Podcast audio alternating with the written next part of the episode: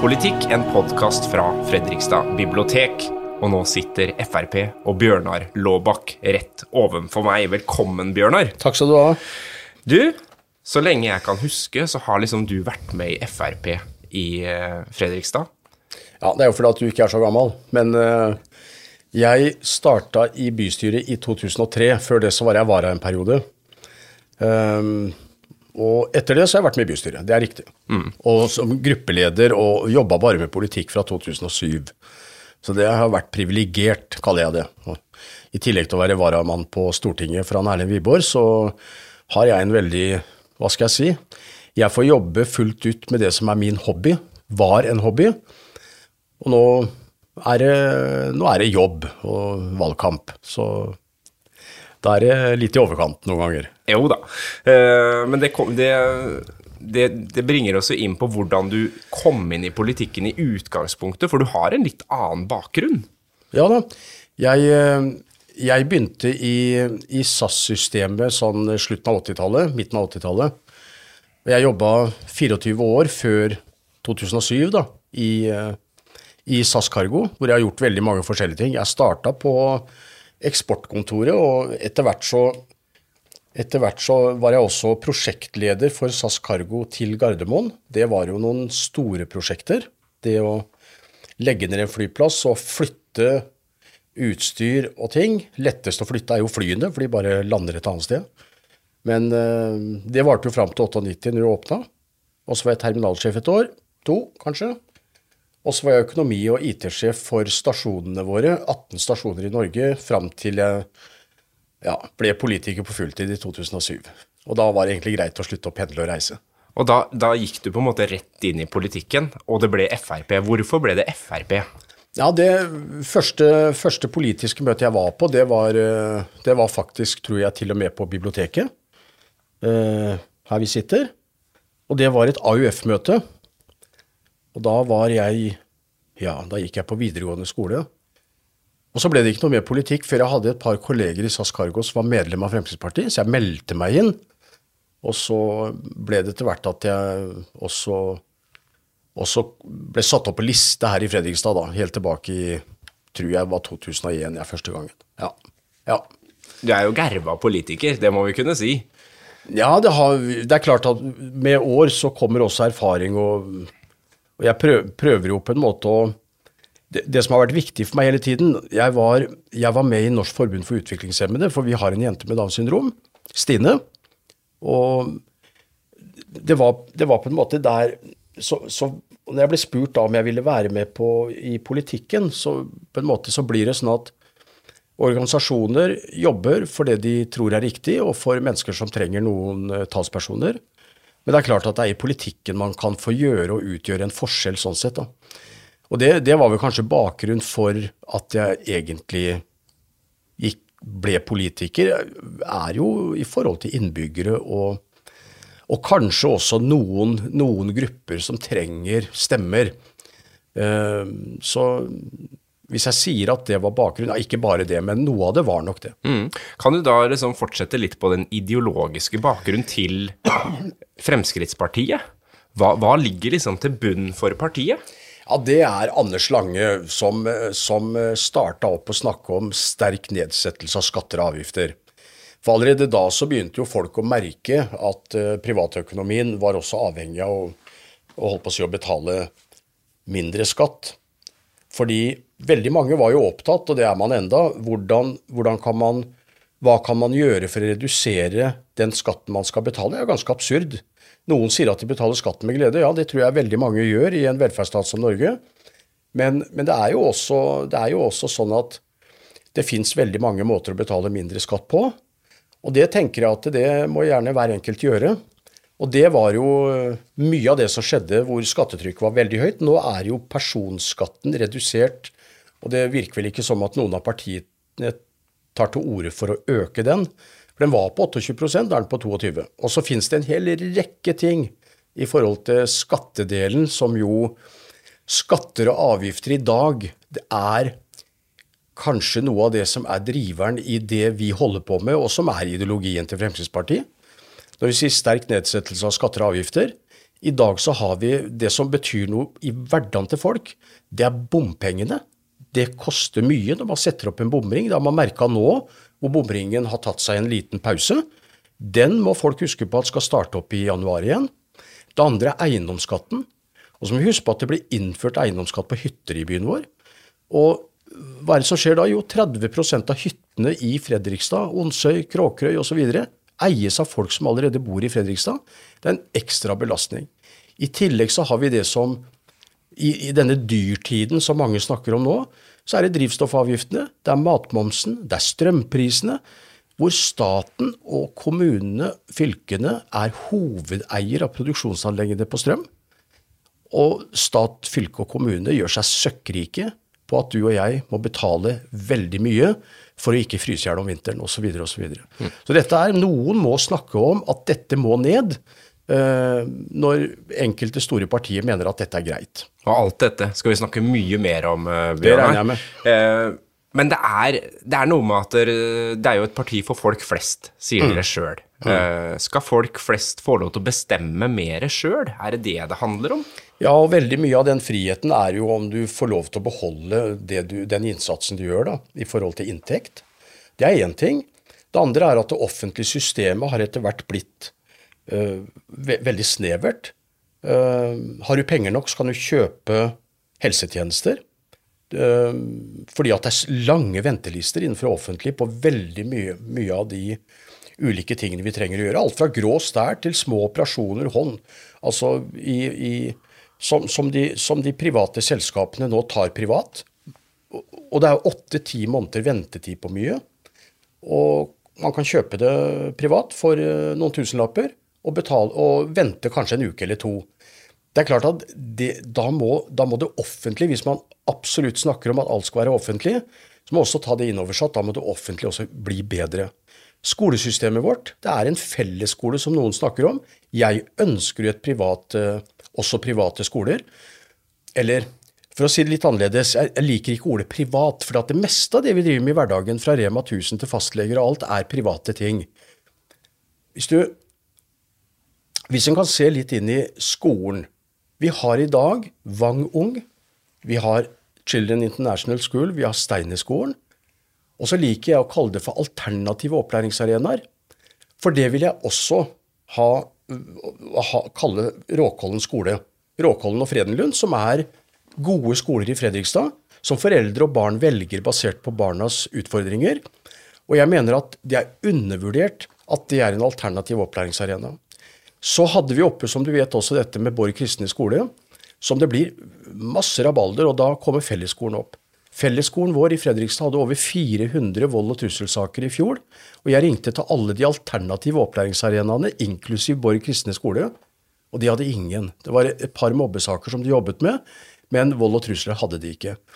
Da må det offentlige gjøre noe med fellesskolen, slik at det blir Det er ikke uten grunn at vi i valgprogrammet vårt skriver trygg og verdig omsorg, trygg oppvekst og trygg by. Det er mer viktig enn noensinne og det skaper en frihet for folk å kunne velge tjenester, og velge hvor både barn og en selv skal kunne få tjenestene. Ikke minst i forhold til hvis du får hjemmebaserte tjenester i dag, så påvirker du i liten grad hvem som kommer hjem til deg, inn i ditt hjem. Og mange opplever 20-30-40 forskjellige mennesker, hvor de kanskje må gjenta og gjenta hva de egentlig skal gjøre hjemme hos de, og hva de trenger hjelp til. Sånn kan vi ikke ha det. Disse tingene vil vi rette på. Og dette går innom det begrepet frihet.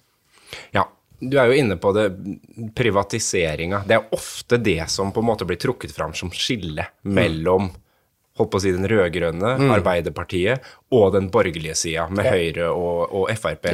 Hvorfor tror du liksom det har blitt skillelinja? Jeg tror innbyggere, og det ser vi, det ser vi i pandemitiden, og det ser vi nå, det innbyggere generelt sett er opptatt av, det er trygghet. Og det å skape utrygghet ved at man bruker hele LO-apparatet, millioner av kroner inn på rød-grønn side, i hovedsak Arbeiderpartiet, til å gjøre folk utrygge på at løsninger som ikke er levert av det offentlige, ødelegger fellesskapsgodene våre, det er jo noe av det som på en måte skaper dette begrepet privatisering som noe negativt. Jeg pleier å bruke et eksempel. Hvis du og jeg skal på et møte i Bergen, og vi sitter her og planlegger, så velger du å reise med NSB eller Vy som det heter nå. Så tar du Flytoget, og så reiser du med SAS. Altså, nå er SAS eh, ikke statlig eid lenger, men det var det. Dette er statlige selskaper. Men jeg velger å reise med flybussen, og så velger jeg, som nå tidligere var en privat uh, aktør, og så reiser jeg med Norwegian tur-retur Bergen. Vi er i samme møte, og um, vi kommer tilbake samtidig. Forskjellen er, at, uh, forskjellen er at du betaler dobbelt så mye som meg, fordi at du reiser med offentlige selskaper. Og hva er det som gjør at det offentlige skal være dobbelt så dyrt som det som man kaller private? Og da skjønner jeg redselen, hvis det er sånn at uh, man snakker om at man skal færre at det medfører færre offentlige arbeidsplasser. Jo, men de arbeidsplassene flytter seg jo bare i tilfelle. Så jeg forstår ikke redselen. fordi at hadde man satt innbyggerne i fokus, så ville man heia på alle som gjør en god tjeneste for innbyggerne, enten det er innenfor helse eller andre tjenester som vi trenger i hverdagen vår. Sist gang som Fredrikstad ikke var styrt av Arbeiderpartiet, da, mm. da var det Frp som mm. hadde ordføreren. Ja. Eh, og det var lenge før det at noen andre hadde styrt. Men, men har du nå en følelse på et politisk skifte i byen? Ja, jeg, jeg tror på det. Og så tror jeg at jeg tror ikke at et uh, nytt politisk uh, flertall klarer å lage noen revolusjon, men jeg tror man staker ut en ny retning. Jeg sa i 2008, da vi hadde flertall, så sa jeg at vi må ha flere hender i omsorgen og færre hender bak PC-en, og det står jeg fortsatt inne for. Jeg mener at vi må ha flere på utsiden enn de vi i dag har til å sitte på innsiden og regne på hva vi ikke har råd til på utsiden. Det er vesentlig for meg. Jeg tror ikke vi skal være så redde for at andre skal bidra inn. Eh, men vi har ingen planer om noe privatisering. Men man ser i dag at eh, de rød-grønne kjemper mot de private barnehagene, som var en del av barnehageforliket, eh, som jo Fremskrittspartiet og SV sto sammen om på begynnelsen av 2000-tallet, og som medførte veldig raskt at vi fikk full barnehagedekning. Og nå starter man nærmest en krig mot de private barnehagene. Det, det er rett og slett uh, ugreit. Og hadde vi ikke hatt de private barnehagene, og foreldre velger jo, og hvis den offentlige barnehagen er like god som den private, hvilket jeg tror den er, og vice versa, så er det en god fordeling av de tjenestene vi skal gi til barna våre. Mm. Men i partiprogrammet deres, det, dette er jo ganske sånn uh, konsist program. Uh, veldig mange av de andre partiene har ganske lange utredelser mm. om uh, alle mulige politiske saker. Ja. Dere har satt opp en konkret liste. Ja. Her er det fire sider med noen fanesaker. Ja. Uh, og det er veldig sånn bastant. Mm. det står f.eks.: Nye barnehager skal drives av private. Punktum. Ja. Her er det rene ord for penga. Ja, og hva mener vi egentlig med den ja, setningen? Ja, hva mener dere egentlig med det? Ja, Vi mener at fordelingen offentlige og private barnehager den er, er der i dag. 60-70% private, og resten er kommunale. De kommunale er dyrere enn de private. Og vi mener rett og slett at eh, kommunen trenger ikke å bruke tid og krefter på å etablere barnehager. Det kan eh, de utenfor, som brenner for å gi gode tjenester til barna våre. Og så får kommunen til syvende og sist en rimeligere tjeneste som er minst like god. Det er, vår, det, det er tanken bak det. Og private skoler har vi jo nevnt. Det står jo også, vi vil si ja med stor JA til private skoler. Men vi må preke litt om litteratur òg, Bjørnar. Ja. Du har jo fått utfordringa om å ta med deg en bok.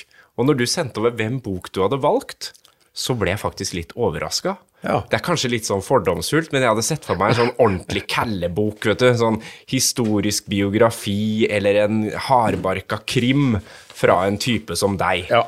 Men du har altså tatt med deg Marit Kolby. Ja. Hva og når skal vi spise? Mm. Forklar hvorfor. Ja, det, altså Utgangspunktet er at jeg, jeg, kan godt, jeg, kan godt, sitte og lese bøker. Men jeg bruker ikke tid og energi på sånn dik, dik, dikting. Altså det som, jeg må, jeg, må, jeg må, lese bøker som har, en, som har, en, rot i virkeligheten. Enten historisk eller uh, gjerne i dag. Men det må være noe som har en verdi. Og de som finner på historier, det har ikke den samme verdien for meg. Og Jeg liker også å ser på TV, som jeg har dokumentar. Jeg kan ikke sitte og se på at noen skyter noen, og så er det noen som er en time lang utredning på Man løper rundt og spør, uh, og så finner man morderen. Det tenker jeg er ganske verdiløst, så derfor ser jeg mest på ID-kanalen. fordi at den viser sanne historier, og helt fram til i dag. Ja. Når det gjelder, det gjelder boka til Marit Kolby, hvorfor, hvorfor skriver jeg det? Jo, jeg, jeg har en, eh, en mellomste datteren min. Hun eh, går nå studie bachelor for å, i ernæringsfysiologi. Og hvorfor gjør hun det? Jo, fordi at hun har en eh, tanke, og, og det handler om å det, handler om å akseptere ny kunnskap om hvordan kost, det vi putter i oss, hvordan det har sammenheng med veldig mange ting for helse, annet. Og når jeg har lest boken til eh, Marit Kolby, så har jeg vært veldig opptatt av det, eh, det hun skriver om f.eks. behovet for å faste, som hun vier en ganske stor del av boka til, og som eh, mener alle burde faktisk eh, prøve. Hvilket jeg prøver, i liten grad, men allikevel så merker man at ting virker. Ja, Kropp, hva er det du har merka forskjellen på? ja, kroppen trenger eh, en, en prosess på å rense seg selv. Det, det å spise mange måltider i døgnet, det mm, jeg, jeg mener jo at det er gammeldags. Jeg tenker at eh, det å gi kroppen litt hvile, men sørge for at vi får nok rent vann I Norge er vi heldige. Vi har rent vann i springen, og vi kan drikke så mye vann vi vil. Og det å gå ut, det der å kjenne litt sult, og det at kroppen renser seg, det har stor helsemessig effekt, påstår Marit Kolby. Det er nok eh, mange som vil hevde noe annet, men jeg, jeg tror rett og slett at vi må Og hun vier også noe av, eh, noe av boken i forhold til innholdet i den maten vi faktisk eh, Et ord som å kjøpe. Ikke sant? Så, ultraprosessert mat, f.eks., er jo en kjempediskusjon nå hos uh, Både på barnemat, men også hva vi voksne putter i oss. ja, ja, absolutt. Hvor det- kommer maten fra? Ja, og det vi, vi Altså, vi stoler jo på det som står i hylla. Altså, nordmenn, vi stoler på at det vi blir servert, enten det er på, i en matbutikk eller på restaurant eller hvor det skal være, så er det noen som har sjekka at det er i orden. Der er i hvert fall, eh, så langt jeg forstår, altså de fleste nordmenn er der. Men det begynner nok å vokse, vokse frem. Det ser vi jo på veldig mange som, som slutter å spise kjøtt og slutter med ditt og datt. Og, og veldig mange har begynt å lage maten helt fra bunn, så man vet, man vet hva man spiser. Uh, og det tror jeg veldig, jeg tror det er veldig bra for helsa vår. fordi at er det, er det noe med helsa vår som er et kjempeproblem, det er overvekt. Og den, ofte så er det mange, mange har overvekt fordi man eh, det kan, det kan være alt fra arvelige ting og ting som ikke man kan gjøre noe med. Så det er ikke så enkelt som at alle, alle kan gå inn og endre kosthold og gå ned i vekt. Det tror ikke jeg noe på. Men jeg tror man kan endre kosthold og få en bedre helse. Det tror jeg alle kan. Og Derfor så er det veldig viktig å få fokus på det. Og så er det etter hvert viktig også at produsentene Altså produksjon av mat må være trygg. Det kan man stille spørsmål med i dag. Og det jeg tenker er, det er én ting vi gjør felles, alle vi mennesker. Alle. Det er at vi putter i oss mat. Og da må det være skikkelig greier, altså. Jeg ble også litt overraska, fordi jeg, liksom, jeg har tenkt at der, i sånne her diskusjoner Ja. så tar Frp et standpunkt som er sånn La folk bestemme det sjøl. Ja. Ikke bland deg i hvor mye sukker naboen putter i seg. Men her er jo litt annerledes på det. Nei, jeg vil ikke pålegge noen noe som helst. Jeg er sterk motstander av kjøttfrie dager. Jeg er sterk motstander av at man skal, som Fredrikstad kommune gjorde, for å man, man, man skulle altså gjøre et forsøk på å redusere matsvinn på sykehjemmene våre. Helt konkret prosjekt. Da, da får jeg nesten fysisk reaksjon, jeg, fordi at jeg, jeg, blir, jeg blir nesten fysisk dårlig. Og grunnen til det, det er rett og slett at de eldre på sykehjem la, Sett heller inn folk som kan hjelpe dem å få i seg den maten som de faktisk får. Men det ikke, kan ikke være noe mål i seg selv at de eldre spiser mindre, snarere tvert imot. Gjør den type tester andre steder, ikke la det gå utover de eldre. Og Derfor så blir, derfor så blir en del av disse målsettingene om å endre ting, når man enten gjør det i forhold til barn eller eldre som uh, har behov for hjelp, da, da er ikke jeg med lenger. Valgfriheten gjelder også på hva du dytter i det. Det som er litt synd, da, det er jo at det er jo at det produseres veldig mye billig mat som selges i matbutikkene. som er den billigste, men også den dårligste. Det, det er også et tankekors, ikke sant? Så du har, har blitt mer oppmerksom på, kan man si, uh, hva, hva, du putter i deg, og, og råvarene uh, som brukes? Jeg leste en bok som het Tim-modellen. Ja. Og den handler om uh, en gutt som tidlig ble diagnostisert med, med ADHD, og, og, sannsynlig også innenfor spekteret. Uh, uh, av andre ting. Men der var det en, var det en mor som uh, mente at kosthold og atferd henger nøye sammen. Man kan jo diskutere, man kan jo lure på i dag, hva er det som gjør at vi får såpass økende del av barna som, som får diagnoser, typ ADHD og andre ting. Det kan jo ha en sammenheng. Det det tenker jeg at, eh, at eh, hva vi spiser og når, og ikke minst boka Tim-modellen, viser det. Mm. Ja, for der har man jo den der evige diskusjonen på uh, var det bedre før, eller bare oppdaga man ikke de samme tinga, eller oppdager man litt for mye nå? Ja, det er, det er, alt, men jeg vet ikke hva som henger sammen. Men uh, det er jo klart at mange som, mange som var urolige tilbake 30-40-50 år og tidligere enn det, de ble gjerne sendt til sjøs. Uh, I dag så, i dag så er det, et, det er ett sted vi møter alle barna våre, det er i skolen, og vi har et langt skoleløp.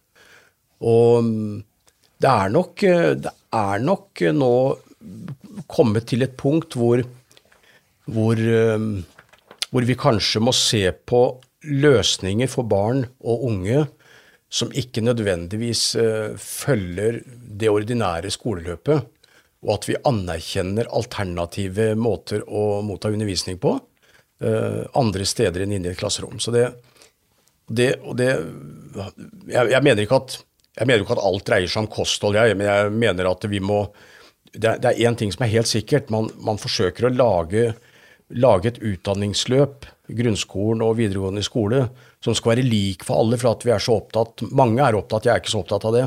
Men man er veldig opptatt av at alle skal ha like muligheter. Men det man glemmer, er at det fins ikke to like barn.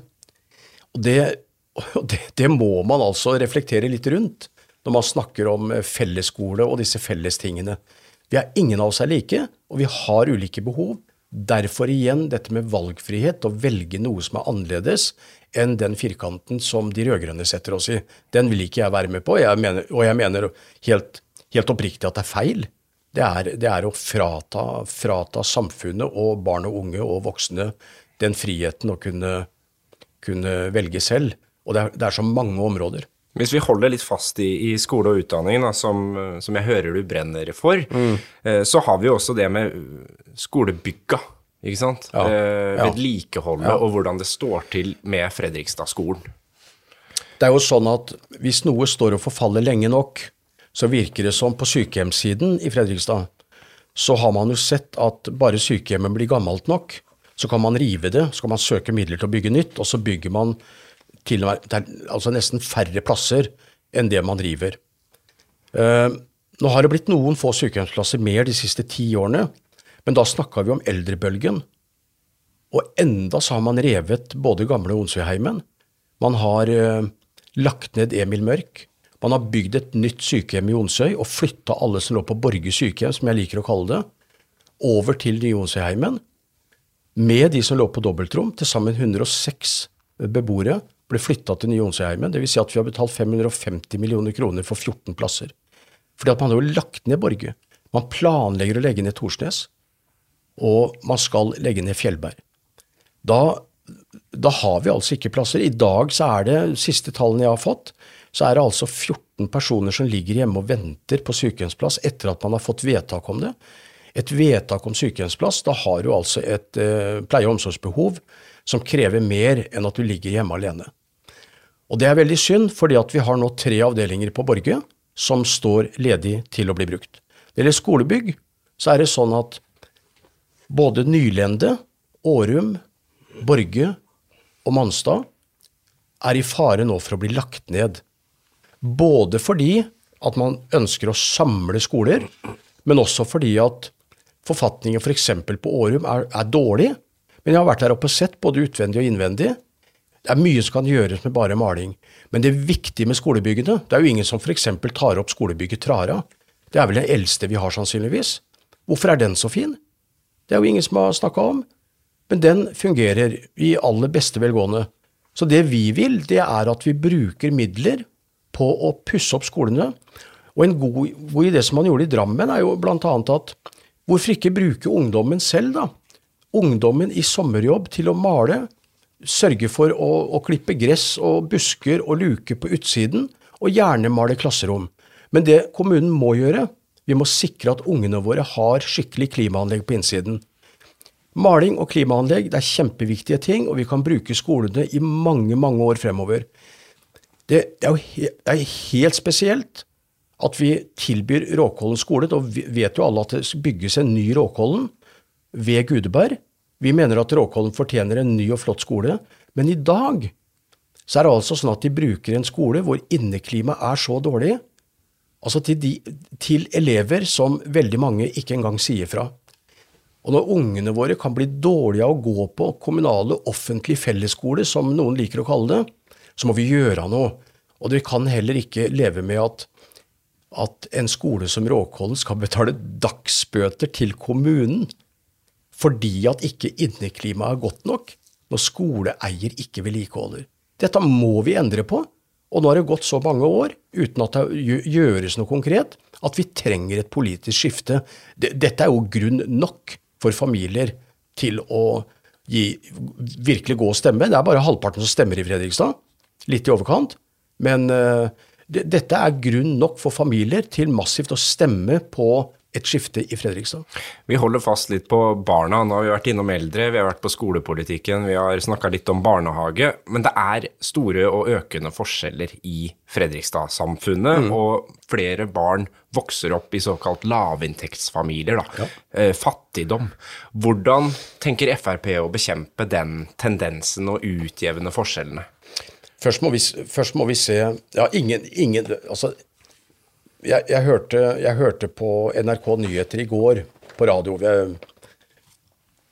Vi, innvandrere og de med flyktningbakgrunn er overrepresentert uh, når det gjelder vedvarende lavinntekt. Og, og veldig mange har jo sosialhjelp som eneste inntekt. I Fredrikstad har jo sosialhjelpsutbetalingene økt fra 70-80 millioner i året til nå nærmere 200 millioner. Vi er et sted hvor vi har massiv tilflytting av familier som har blitt bosatt i andre kommuner rundt i landet, som flytter til Sarpsborg og Fredrikstad. Det skulle vi jo være glad for, fordi vi er et uh, flott område, populært område. Og vi ville gjort kanskje akkurat det samme hvis vi bodde som min familie som uh, emigrerte til USA på tidlig 1900-tallet. Så endte det opp med at de fleste flytta til Everett nord for Seattle, fordi at der bodde det mange nordmenn. Det er helt naturlig. Dette er hånd i hånd. altså Sånn er det. Vi har, jo, vi har, jo, bedt, og jeg har jo også som uh, vararepresentant på Stortinget stilt spørsmål til kommunalministeren om de er villige til å se nærmere på en, et statlig ansvar for å betale den merkostnaden det er for kommuner som har stor sekundærtilflytting, som det heter. Det, ja, det skal man vurdere i inntektssystemet osv. Men det andre er jo at jeg har egentlig også stilt, har stilt spørsmål om man er villig til å sette vilkår for å flytte. Altså Dersom du bor i en liten kommune i Gudbrandsdalen, som du har bosatt, bor i fem år, om du da må f.eks. ha jobb for å få tilgang til de offentlige tjenestene i et sted du ønsker å flytte til, og ikke bare flytte tomhendt, og så er det en ny runde etter fem år som en ny kommune får ansvaret. Der mener vi staten må enten ta det økonomiske ansvaret, eller så må man sette vilkår for selve flyttingen, at man må faktisk klare seg selv hvis man skal flytte. Vi skal snakke litt mer om ja, og det er jo det er jo sånn at vedvarende lavinntekt er i, er, Der er jo flertallet av de som Det er innvandrere og flyktninger.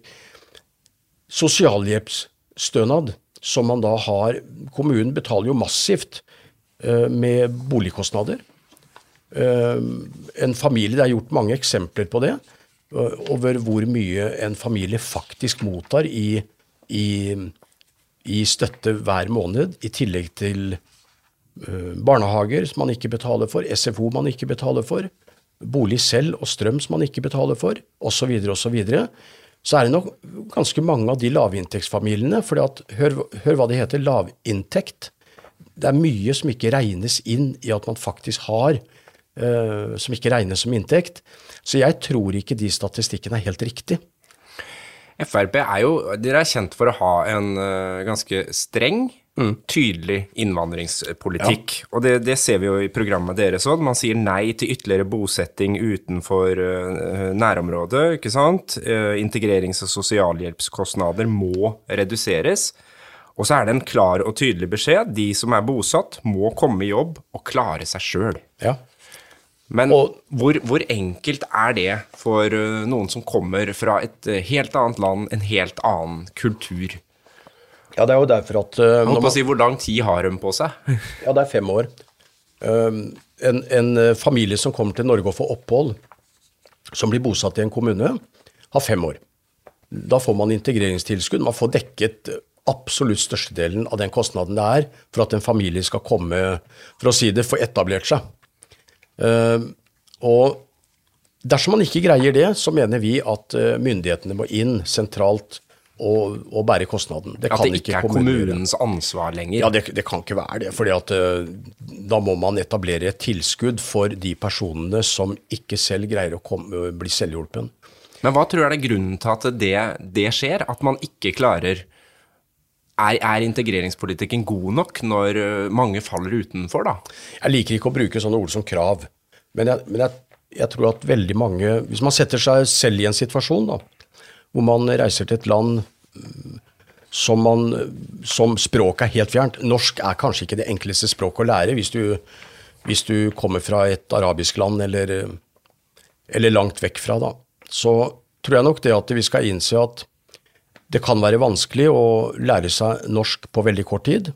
Mange klarer det. Eh, vi må også se på utdanningssystemet vårt, hva vi godkjenner av utdanninger. Det er mange land som eh, det kommer folk fra som, har, som er sykepleiere og, og, og andre utdanninger, som, som, Norge ikke godkjenner, men som kanskje i realiteten har en minst høy kvalitet som det vi faktisk, eh, faktisk utdanner våre til. Så jeg tenker det er, det er en side vi må se på. Og så vet jeg ikke hva, hva som gjør at det er, eh, det er, noen som er overrepresentert på sosialhjelpskostnadene noen nasjon, fra noen nasjoner. Det bør ikke jeg spekulere i, jeg bare ser at Statistisk sentralbyrå de opererer med tall på det. Det er ikke mine tall. Så jeg tenker at da må man iverksette tiltak for at personer faktisk kommer ut i aktivt arbeid.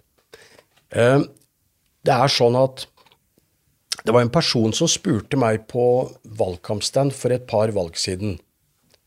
Uh, vil si at vedkommende overhørte en samtale jeg hadde med en eh, person. Og så sier vedkommende, når jeg spør om skal du, skal du ha med deg en brosjyre, så sier vedkommende at 'jeg kan ikke stemme på deg pga. dine holdninger'. Så Det er interessant. Men kan du fortelle meg hvilken holdning du oppfatter at jeg har? Ja, jeg hørte du snakka om et stativ med feiekost, rake og en søppelpose, og at man skulle gå ut og plukke søppel. Ja, så Det var en kortversjon, men jeg sa noe i den retning. Men hva tenker du om det, sier jeg da. Hvis du er ukjent i et land, og du får tilbud om å gjøre det og hjelpe til å holde byen rent, så syns du det, det har med holdning å gjøre. Ja. Så jeg vet hva, så jeg skal jeg fortelle deg. Og det er ikke sikkert du syns at det er en, en en god sammenligning, sa jeg, men jeg skal i hvert fall si det allikevel. Jeg går gjennom gågata hver morgen. Og når jeg går gjennom gågaten, så treffer jeg veldig ofte de gule gutta. De har gul dress, og de har akkurat sånn utstyr som jeg nevnte. Men syns du det er greit fordi at de er utviklingshemmede? Da ble vedkommende veldig stille, og så sier hun ja, du har kanskje et poeng. Jeg sier hvem har en holdning? Du eller jeg? Altså, Det kan stå åpent, du bør ikke svare på det, men for meg er det viktig at vi anerkjenner alle som fullstendige mennesker og innbyggere. Og jeg mener at vi har så mange steder som vi kan holde bedre i orden. Og det gjelder utenfor offentlige bygg, det gjelder på offentlige bygg, og det gjelder inne i offentlige bygg. Og der vi, mangler vi masse arbeidskraft, så vi kunne utnytte de som ikke er i full jobb, til å få den terskelen inn. For det er mye lettere å søke jobb hvis du er i jobb, enn hvis du hvis du sliter med selvtilliten for å søke jobb. Syns du ytringsklimaet i Norge, har det, har det endra seg? Altså Nå snakker man mye om politisk korrekthet, og, mm. og som du er inne på det, ja. som Frp-er, blir du noen gang stempla som rasist? Ja, ja. Det har jo blitt i bystyret. Senest nå når vi, når vi i vårt forslag til bosetting av flyktninger, så skrev vi et forslag hvor vi, hvor vi begrunnet Fredrikstad kommune bosetter flyktninger med, med, utgangspunkt i situasjonen i Ukraina. Og da, da ble det fra bystyrets talerstol, direkte fra Arbeiderpartiet, sagt at dette var, dette var uh, diskriminerende og rasistisk. Hvorav, hvor rett og slett uh, dette, ble, dette ble ikke klubba ned. Jeg er ganske hard i det, jeg, jeg bryr meg ikke med det. Altså det, når det er noe som er viktig for oss, og vi snakker ikke, vi snakker ikke nedsettende om noen vi, vi, skal sikre barn, unge og voksne som har flytta til byen vår, et fullverdig mulighet i byen vår. Hvis noen tillegger meg noe, så må de gjerne gjøre det. Altså det, det bruker jeg ikke energi på, rett og slett. Men så er det jo noen sånn klare øh, synspunkter her, da. Som f.eks. at romleiren skal avvikles. Nei til flere flyktninger. Nei til religiøse hodeplagg i skolen. Ja. Skjønner du at noen kan oppfatte dere som eh, ja, litt eh, skeptiske? Nei, det er rød-grønn rød retorikk. Men, men dette den, med hodeplagg, eksempel, da. Uh, ja. Ja, ja, hvor, hvorfor er det viktig for Frp? Ja, det er viktig for alle Vet du hva, det er så viktig for millioner av kvinner rundt i verden. Det er ganske spesielt at vi støtter opp om kvinnene i Iran som blir drept for å gå med uten hodeplagg. Og så skal vi kjempe, skal mange rød-grønne, med fler, kjempe for at barna skal ikles noe som en hel nasjon kjemper imot. For meg så er det helt absurd. Jeg mener rett og slett at hvis ikke man innser at dette er å kle på unge jenter en negativ sosial kontroll i utgangspunktet, så må man, så må man sette seg ned og reflektere litt rundt det. Vi har sagt det i flere år. Vi, I tillegg så har vi allerede sendt en uh, melding til kommunen at vi ønsker å få en oversikt over tomme pulter og hvilke prosedyrer man har. For vi vet på landsbasis at det er 150-200 barn som blir igjen i hjemlandet og går på annen type skole enn det vi tilbyr i Norge. De pultene de må følges opp. For de er tomme, og de barna må få beskyttelse når de først bor her. Og det står jo her i, i partiprogrammet deres uh, å følge opp etter skolestart, som du sier. Vi, vi, har jo eksempler på, på, de situasjonene der i, i Fredrikstad-skolen. Absolutt. Mm. Og dette handler om hodeplagg, og det handler om eh, Du spurte også om romleieren. Det er, det, er flere, det er, flere, forretninger rundt i Fredrikstad hvor det sitter barn som har opphold i romleiren, utafor og tigger. Det er jo ingen som reagerer. Det, det er jo ingen som eh, hvor, Hvorfor har vi det sånn? Hvorfor skal vi ha en romleir med campingvogner hvor det kommer barn fra Romania hit for å sitte utafor butikken og tigge? Jenter ned i 12-13-årsalderen. Sånn kan vi simpelthen ikke ha det. Vi kan ikke ha det sånn. Men du er opptatt av valgfrihet. Hvis en ung muslimsk jente som velger å gå med hijab, sier det 'dette er mitt valg', jeg har vokst opp i Philadelphia-menigheten i Fredrikstad. Og de valgene man gjør som barn og ung etter å ha blitt indoktrinert i årevis, det er, ja, det er valg i forhold til egen kultur, men det er ikke et valg som er i tråd med vårt demokrati og likebehandling av gutter og jenter. Men du vil ha skolegudstjenester inn i skolen igjen? Absolutt. Det er vår kristne kulturarv som vi skal ivareta kristendommen og vår kristne kulturarv, det er noe av det viktige, og det bør alle barn få med seg. Det, for, meg, for, meg, så burde vi hatt fortsatt kristendomskunnskap i skolen, for det er det landet vårt og demokratiet holdt på å si bygger på. Men det er jo ikke der at jeg mener at prestene og pastorene skal få lov til å bestemme over folks liv, eller trakassere folk fra talerstolen, eller snakke om et, et evig helvete. Det er ikke så mange år siden som tilbake man skal gå for at barn og unge som var i menigheter og kirker, ble, ble fortalt om uh, evig fortapelse og brenne i helvete, alle disse tingene. Det er heldigvis forbi. Det er heldigvis forbi. Vi skal bare spole litt sånn ut og se det store bildet også, Bjørnar. Fordi kommuneøkonomien, det blir det mye prat om. Og spørsmålet til deg som økonom er jo hvordan står det egentlig til med økonomien i Fredrikstad kommune? Ja, Fredrikstad kommune har et budsjett på over 8 milliarder kroner i året. Og det er innen, innen, innenfor det, den ramma så er det fullt mulig å gi fullverdig gode, trygge tjenester til alle de innbyggerne, fra vugge til grav, pleier jeg å si. Enten du er eh, før du går i barnehage, mens du er i barnehage, skole, SFO, og, med, og hvis du trenger ekstra bistand i arbeidsfør alder, og også i forhold til våre eldre, både hjemmebaserte tjenester og også i forhold til ordninger med bolig når du må ha litt mer hjelp enn å bo hjemme i eget hjem. Selv hvis man kutter ut bompenger som tar inn en del kroner, og eiendomsskatt som tar inn en del kroner Ja, det er, det er veldig mange kommuner i Norge som klarer seg uten eiendomsskatt. Det er jo sånn at Sandnes kommune, for å nevne de, der var det to partier som ikke ønsket å innføre eiendomsskatt, og de inngikk et samarbeid, og det var Arbeiderpartiet og Fremskrittspartiet. Så det er faktisk også steder i landet hvor man Og Drammen, som vi kan sammenligne oss med, de har ikke eiendomsskatt. Og jeg kan vel ikke forestille meg at tjenestene i verken Drammen eller andre kommuner som ikke har eiendomsskatt, at de nødvendigvis er dårlige for innbyggerne. Snarere tvert imot. Når kommunen fokuserer på å bruke minst mulig av skattebetalernes penger på symboltiltak, det, og det, det, kan man liste opp mye av, også i Fredrikstad. Det er symbolikk i mye, og det vil ikke vi være med på. Hvis du går inn og ser på hva kommunen er pålagt å gjøre, og da sier man veldig ofte ja, men da må vi legge ned dagtilbud for utviklingshemmede. Det har vært en sånn parole for uh, veldig mange gjennom mange år. Men da, da er det bare å si til det. Alle innbyggere har krav om et helhetlig tilbud hvor hverdagen inngår som en tilrettelagt del. Og da er kanskje Kanskje det er sånn da at dagtilbudene egentlig er lovpålagt i et helhetlig tilbud, og sånn kan vi gå gjennom, men det er jo ikke sikkert at, ikke sikkert at dagtilbud og alle disse tingene skal drives av kommunen. Vi må finne gode løsninger. For å si det, man har, man har snakka om i Bærekraft 25. Jeg reagerer jo litt på at man, opp, man går ut i valgkampen og snakker om hva høyresiden skal spare. Ja, men man sitter jo selv nå med, med en, et spareprogram på 500 millioner kroner, hvor det fyker årsverk ut hele tiden. Og Jeg skjønner ikke den arrogansen som vises nå, men kommunen må drives rimeligere. Og det viktigste for oss, da, det er jo at uh, barn, unge og eldre har, har trygg, trygg, omsorg og trygg oppvekst.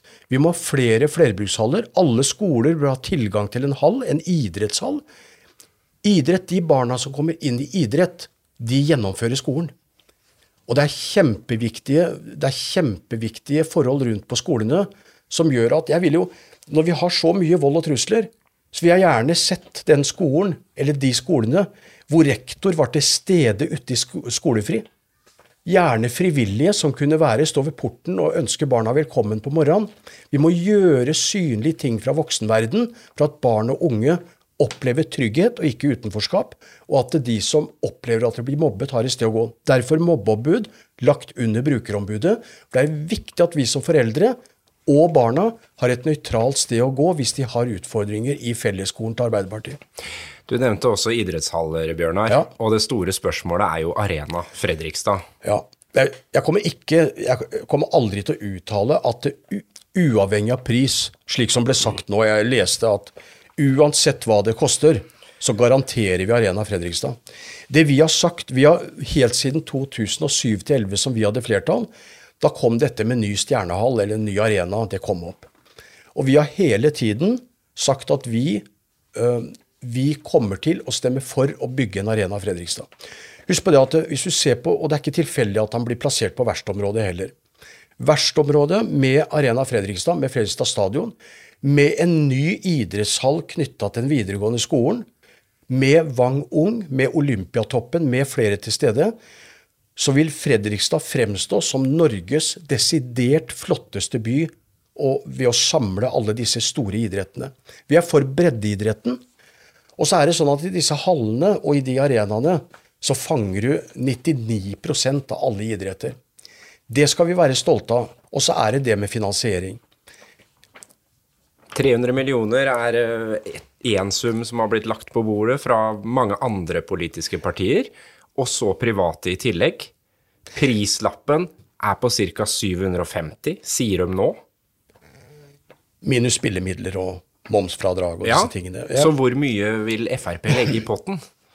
Vi kommer til å stemme for realisering av Arena Fredrikstad. Vi vil allikevel se om det er mulig å ikke be næringsdrivende om å skyte inn penger. Men vi vil jo se for oss at nettopp næringslivet i Fredrikstad, eller utenfor Fredrikstad, tar oppdraget å bygge en arena. Men vi mener den skal inneholde mye mer. Den kan inneholde forretningsdrift, konferansesenter, den kan inneholde hotellvirksomhet. Den kan inneholde De tegningene er ikke der. Men det haster, for snart må Stjernen spille kampene sine i Sparta Amfi. Det tror jeg ikke vi liker noe særlig. Så vi må få fart i Arena Fredrikstad. Planene og spaden må settes i jorda. Og den prislappen, den eh, ja, vi, vi har sagt på en måte For husk på det når vi snakker om 300 millioner. Eh, Fremskrittspartiet, Høyre, KrF og Venstre gikk sammen om budsjett- og økonomiplan i desember i fjor. En av grunnene til at vi gjorde det, det var for å vise at vi er et reelt alternativ. Et reelt alternativ til de rød-grønne som sitter.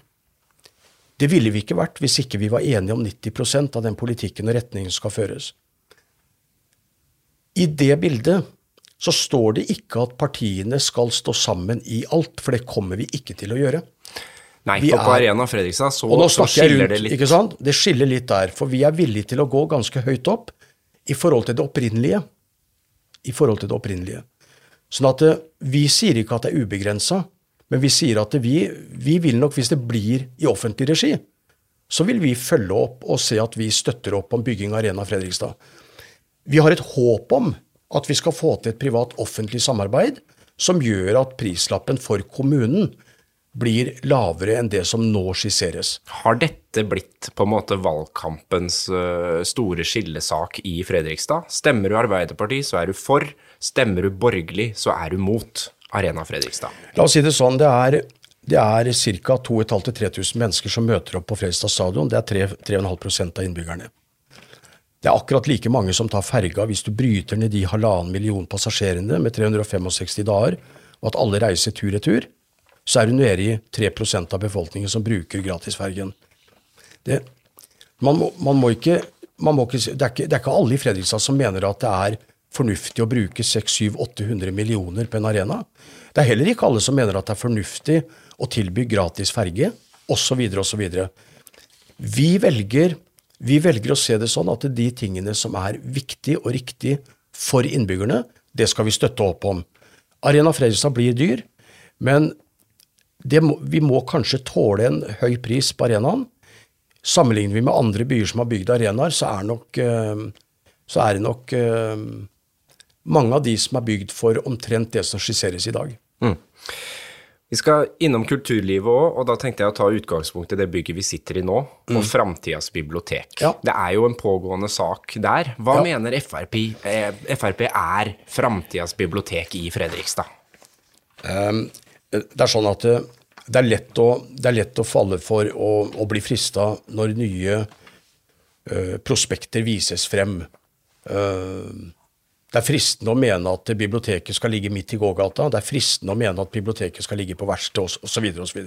Det er fristende, det. Vi i Fremskrittspartiet har sagt i, i Nå skal ikke jeg si i alle år, men vi har sagt i mange år så har vi sagt at Eh, Vi ønsker å videreutvikle det biblioteket vi har. Eh, Vi mener det ligger bra til. Det er et flott bygg. Og så kan det hende at det er mulighet med noen eh, fornyelser her. Eh, Modernisering. Eh, og Her, her er det plass eh, rundt i alle ender. Og, mm, så vi tenker nok at vi skal beholde eksisterende bibliotek. Men vi må, la, vi må nok, vi må nok eh, utarbeide en, en form for uh, hva skal jeg si, en modernisering, modernisering. Hva skal et fremtidig bibliotek faktisk være? Og hvilket publikum er det et fremtidsbibliotek skal tjene. Vi mener jo også at skolebibliotekene er veldig fine der vi har det.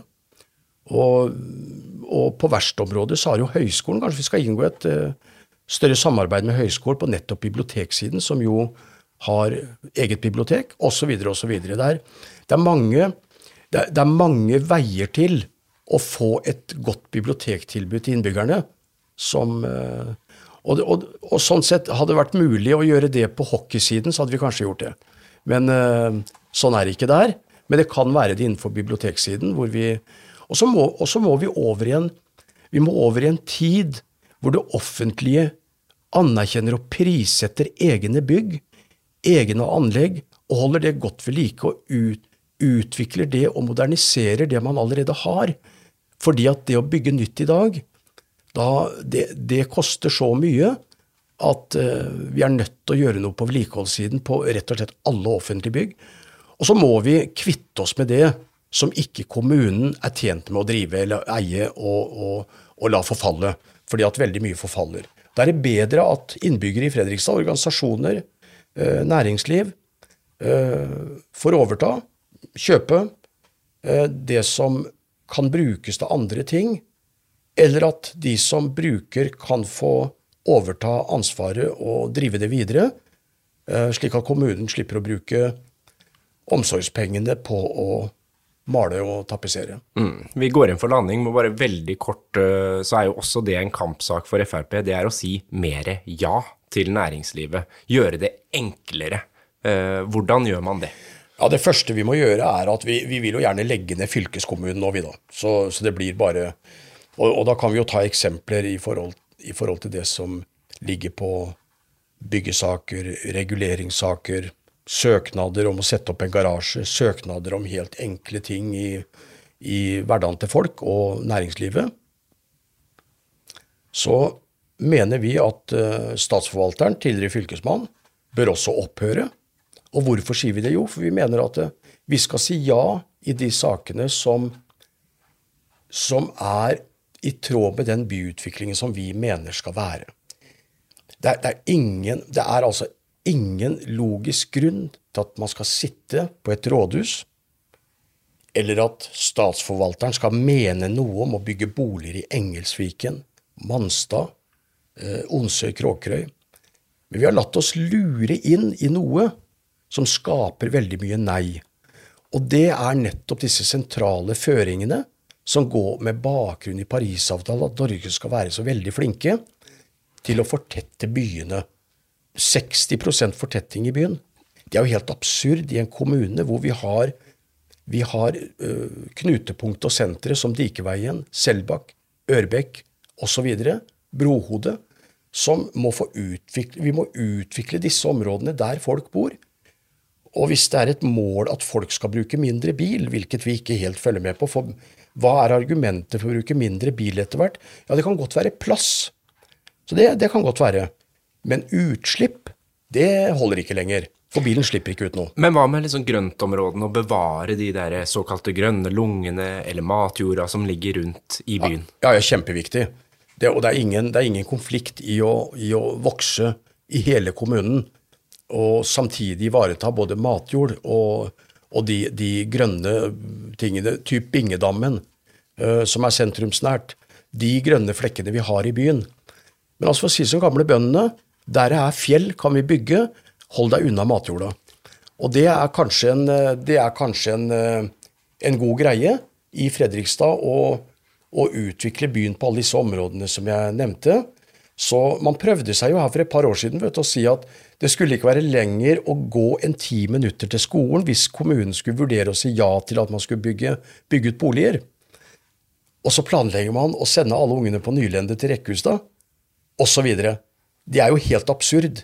Og det er Vi må la innbyggerne og næringslivet aktivt utvikle byen, og så må vi som politikere styre hvor det skal være næring, og hvor det skal være bolig, og hvor skolene skal ligge.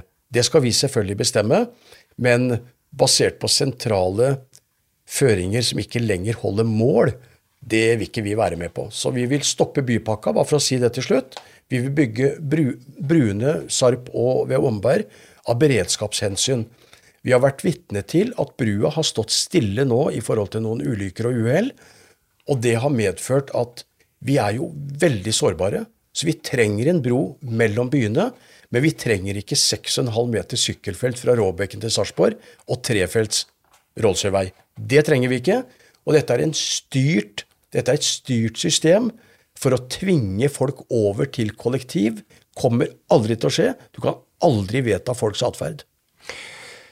Helt til slutt, så skal jeg spørre deg, når du ikke driver valgkamp og er politiker, Bjørnar, hva er det du liksom slapper av med? Altså Når du har hus og ting, så er det alltid noe å gjøre, og så får du alltid beskjed om hva du ikke har gjort.